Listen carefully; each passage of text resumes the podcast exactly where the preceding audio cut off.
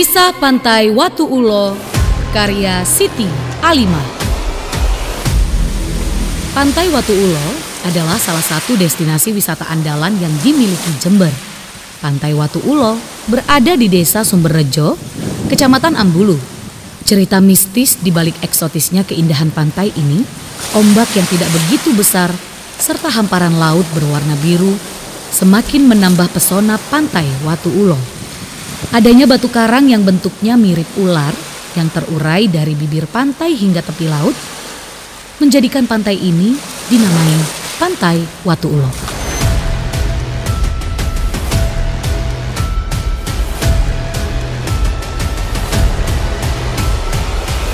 Sandiwara ini dimainkan oleh Teater Angkasa RRI Surabaya dengan para pelaku. Pak Sambi diperankan oleh Haryanto, Bu Sambi diperankan oleh Ning Rina, Marsudo diperankan oleh Sabto, Rojo Mino diperankan oleh Dias, Joko diperankan oleh Chandra. Teknik dan montase Sudarmawan, pengarah acara Purbandari. Cerita ini menyibak tabir legenda Pantai Watu Ulo. Meski sampai sekarang, legenda tersebut tidak terbukti kebenarannya. Dan kisah mistis ini tidak menghilangkan eksotisme Pantai Watu Ulo yang kerap ramai dikunjungi traveler domestik maupun mancanegara.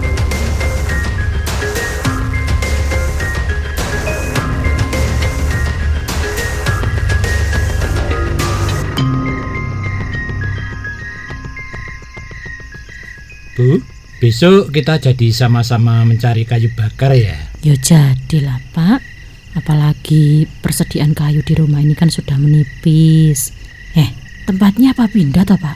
Nggak usah. Di bukit sekitar pantai masih banyak. Ya, tergantung kita. Sanggup nggak bawa banyak? Tapi kan sudah banyak orang yang mencari kayu di situ loh pak Rezeki sudah diatur. Jangan khawatir. Percaya apa yang bapak sampaikan? Bu, Joko ikut kah? Paling yang nggak mau pak Dia kan sudah punya teman sendiri sekarang Biasanya ya sama-sama temennya itu Iya, Bu. Dulu ke mana-mana selalu kita bawa. Sekarang susah. Masih kuingat loh, Bu. Kalau ikut, apa saja diminta. Dan aku yang selalu melarangnya toh pak Ya maklum, untuk makan aja cukupnya. Yang lain belum mampu. Awalnya ya nangis. Lama-lama jadi memahaminya, Bu. Iya pak Bu, jangan lupa bawa bekal ya. Mungkin kita sampai sore. Yo pasti toh pak Sudah tak siapkan menu yang sangat istimewa Kesuka aku ya. Yo pasti Sayur tahu tempe pedes Itu sih menu harian. Nggak apa-apa lah. Itu juga sudah enak kok. Dan istimewa toh pak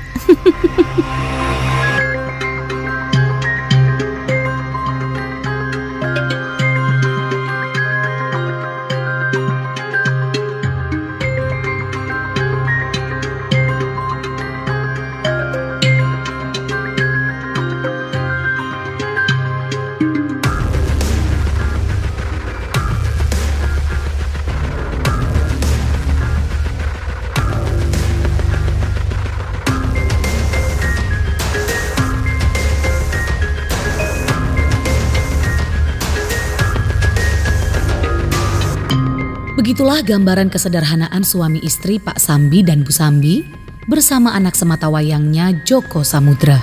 Sampai saat keduanya sedang melakukan aktivitasnya, tiba-tiba terdengar suara yang mengagetkan mereka. Bu, dengar suara nggak? Apa toh pak?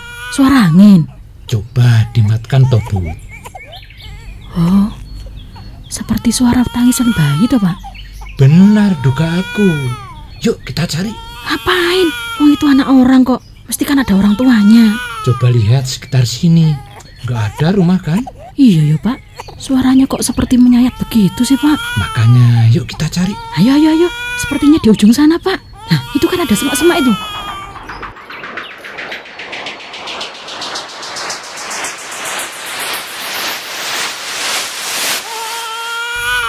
Loh, bagusnya ganteng sekali. Langsung diem loh pak. Cocok loh dengan tanganku ini. Meremelek. Anaknya siapa ya, Bu? Yo nggak tahu aku pak. Mestinya ini sengaja ditinggal kayaknya. Masa sih, Bu? Anak kok sengaja ditinggal? Apa nggak sayang? Bagus-bagus begini. Apa anak gendruwo ya? Ah, bapak ini kok menakutkan aku toh. Siapa tahu. Sebentar. Bu, di bawah hidungnya jeglong nggak? Ya jeglong loh pak. Nah, coba lihat. Hmm, berarti benar. Anak orang. Ada-ada saja bapak ini. Tapi anaknya siapa yo pak? Sepertinya kok kayak kedinginan gini. Nah, bagaimana kalau kita bawa pulang saja? Nggak tega aku, Bu.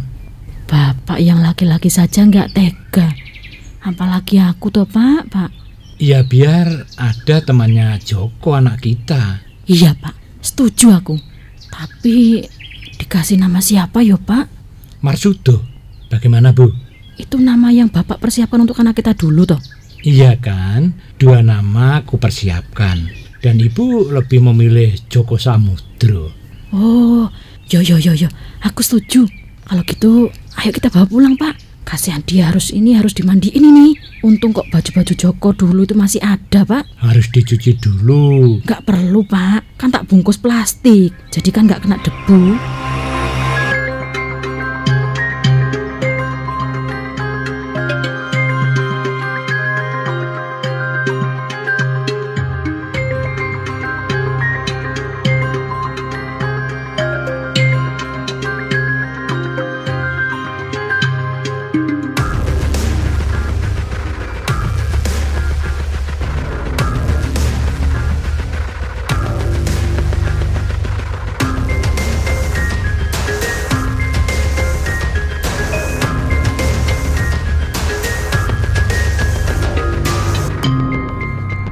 Berjalannya waktu, kedua anak lelaki bapak dan ibu Sambi pun tumbuh dewasa.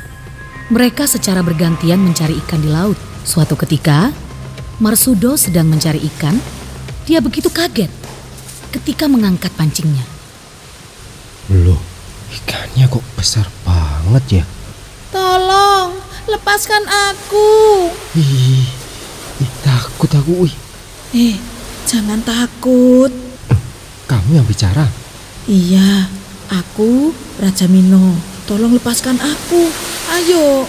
Loh, loh, kan sudah aku lepas ini.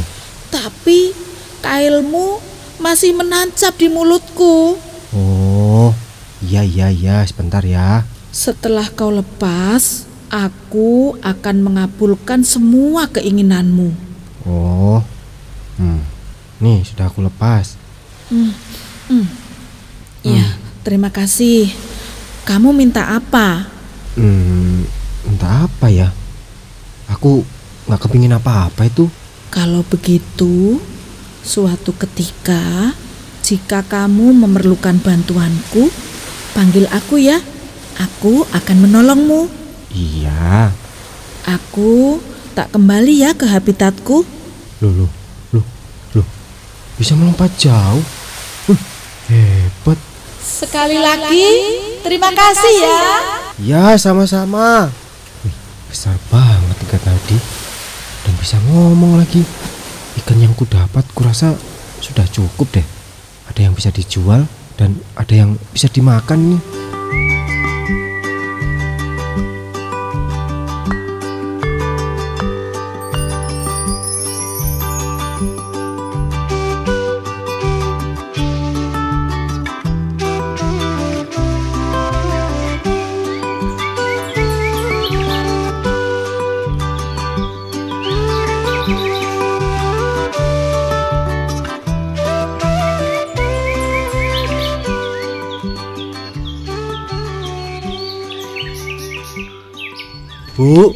Dapat ini, Bu. Lumayan ya le. Iya, Bu. Ini untuk kita. Dan yang ini bisa untuk dijual loh, Bu. Nah kenapa harus dibeda-bedakan? Kan ya jumlahnya sama toh. Loh, yang ini kan agak besar-besar, Bu.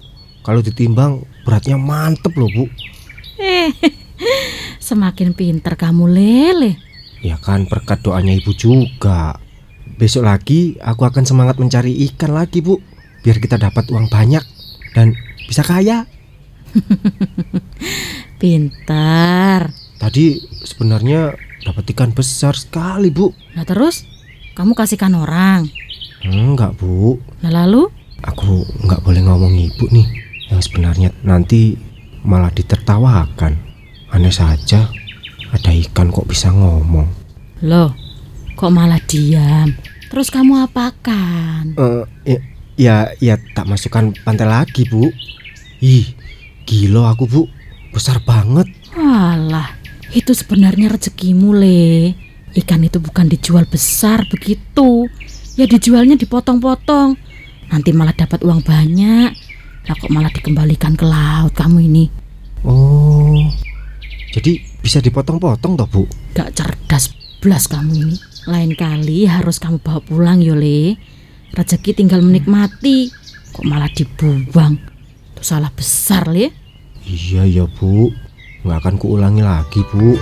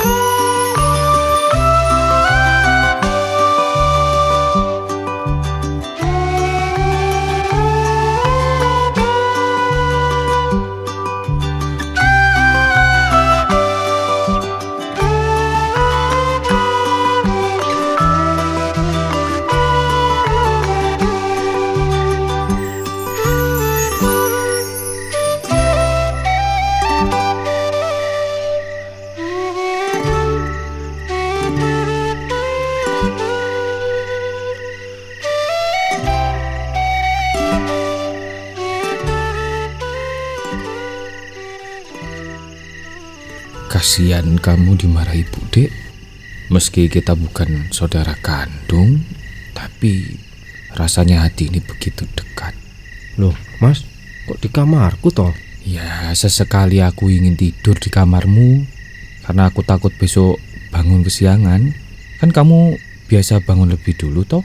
Besok aku pengen mancing sama kamu.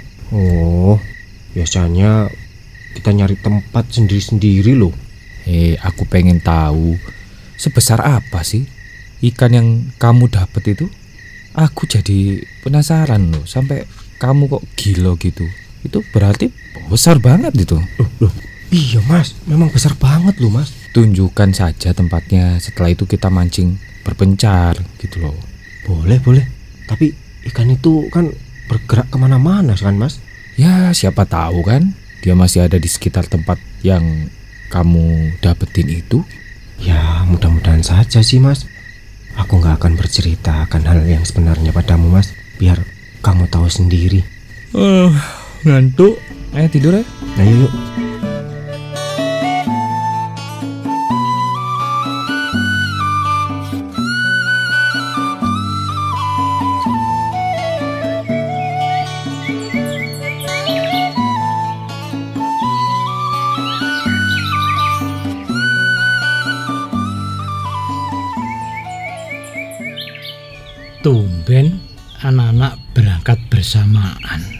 Biasanya yang terpagi Marsudo, Joko baru menyusul. Iya pak, semalam kok ya juga tidur sekamar. Tadi malah minta bekal juga loh. Oh, apa nyari ikan seharian? Nggak tahu. Kalau Marsudo biasanya memang sarapan dulu. Jokonya yang enggak. Tapi Joko tadi kok kelihatannya kok sudah sarapan. Marsudo juga iya. Tapi kok malah minta bekal loh pak. Ya, selera makannya tinggi kali. Mudah-mudahan dapat ikan banyak ya pak. Sehingga kita ini bisa menjualnya juga banyak. Kebutuhan kita sendiri juga nggak seberapa banyak toh. Ya, kadang ya bosen toh pak, pak. Iya maklum. Ayo pak, kita ini juga harus segera berangkat. Ayo, jangan lupa matikan pawon. Biasanya kayunya masih menganga. Sudah.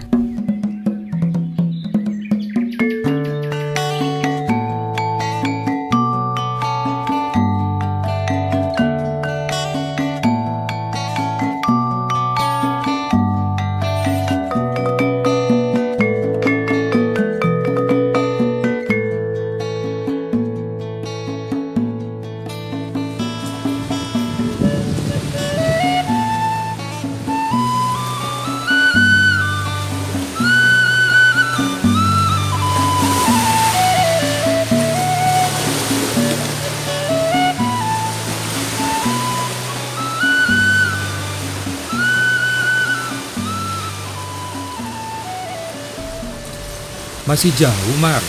Sebentar lagi kok mas, sabar. Jauh banget ini kamu nyarinya loh. Biasalah. Nah, ujung itu loh mas, pantai yang belok kiri. Ya, aku paham.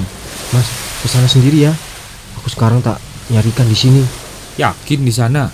Iya, yakin lah mas. Ya sudah, kamu di sini. Aku tak ke sana. Nanti pulangnya bareng ya. Iya, iya mas. Eh mas, aku di bawah pohon keres itu ya. Agak dingin. Sambil nyari keres. Keres itu makanannya ular loh. Loh, kok ular? Ya makananku lah. Anggap saja buah anggur mini.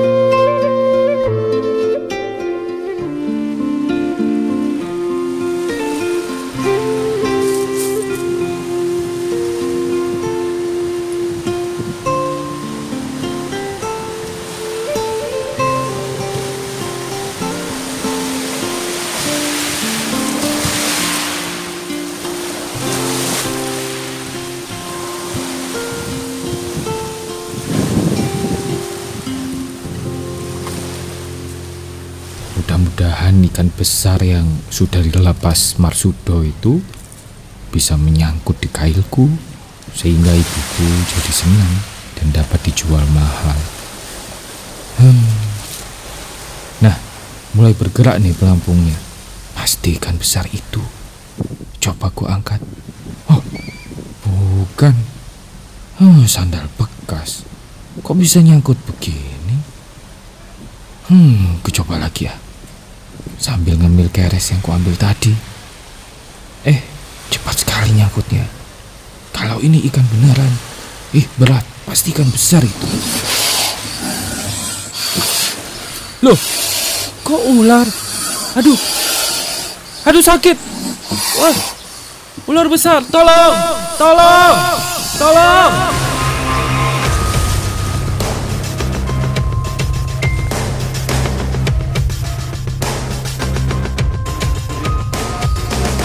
Bukannya mendapatkan ikan seperti harapannya, Joko Samudra malahan mendapatkan seekor ular laut raksasa. Ular tersebut mengamuk ketika kail pancing Joko Samudra telah melukai tubuhnya. Joko Samudra dan ular raksasa pun berduel sengit. Melihat kakaknya tengah berjibaku melawan ular raksasa, Marsudo tidak tinggal diam.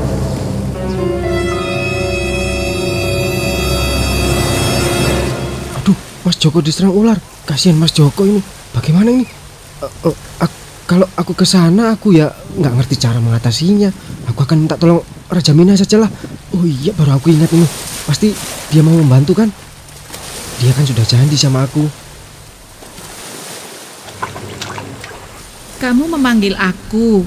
Iya, aku mau minta tolong nih. Lihat, di sana itu kakakku diserang ular. Ular besar.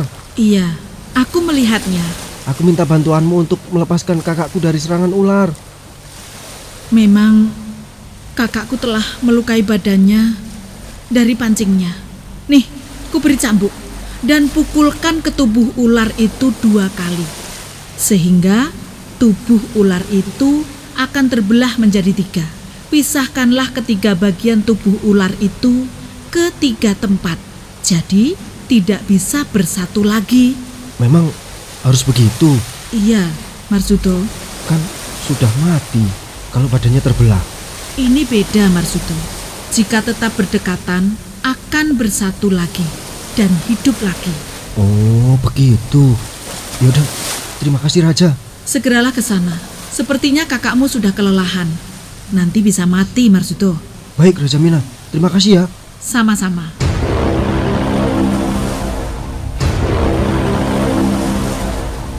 Ya, rasakan ini.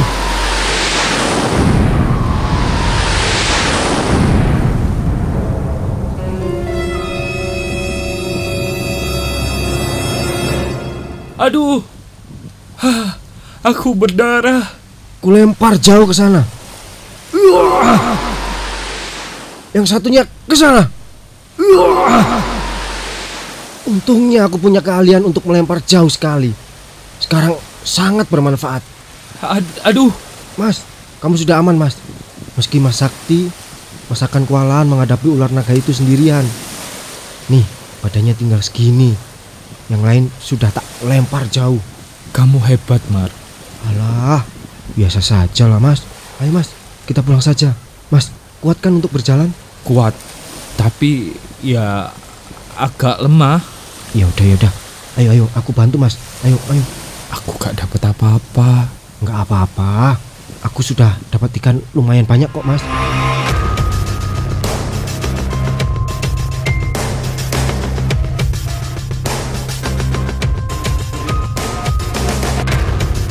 Dari badan yang tertinggal itulah konon menjadi batu dan saat ini di pinggir pantai Watu Ulo terdapat gugusan batu yang seperti anatomi tubuh ular yang sangat besar.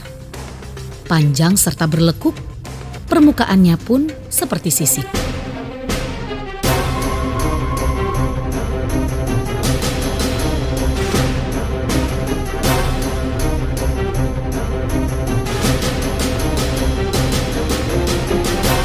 Demikian tadi telah kita ikuti bersama Sandiwara Radio dalam judul Kisah Pantai Watu Ulo karya Siti Alimah. Sampai jumpa di cerita yang lain.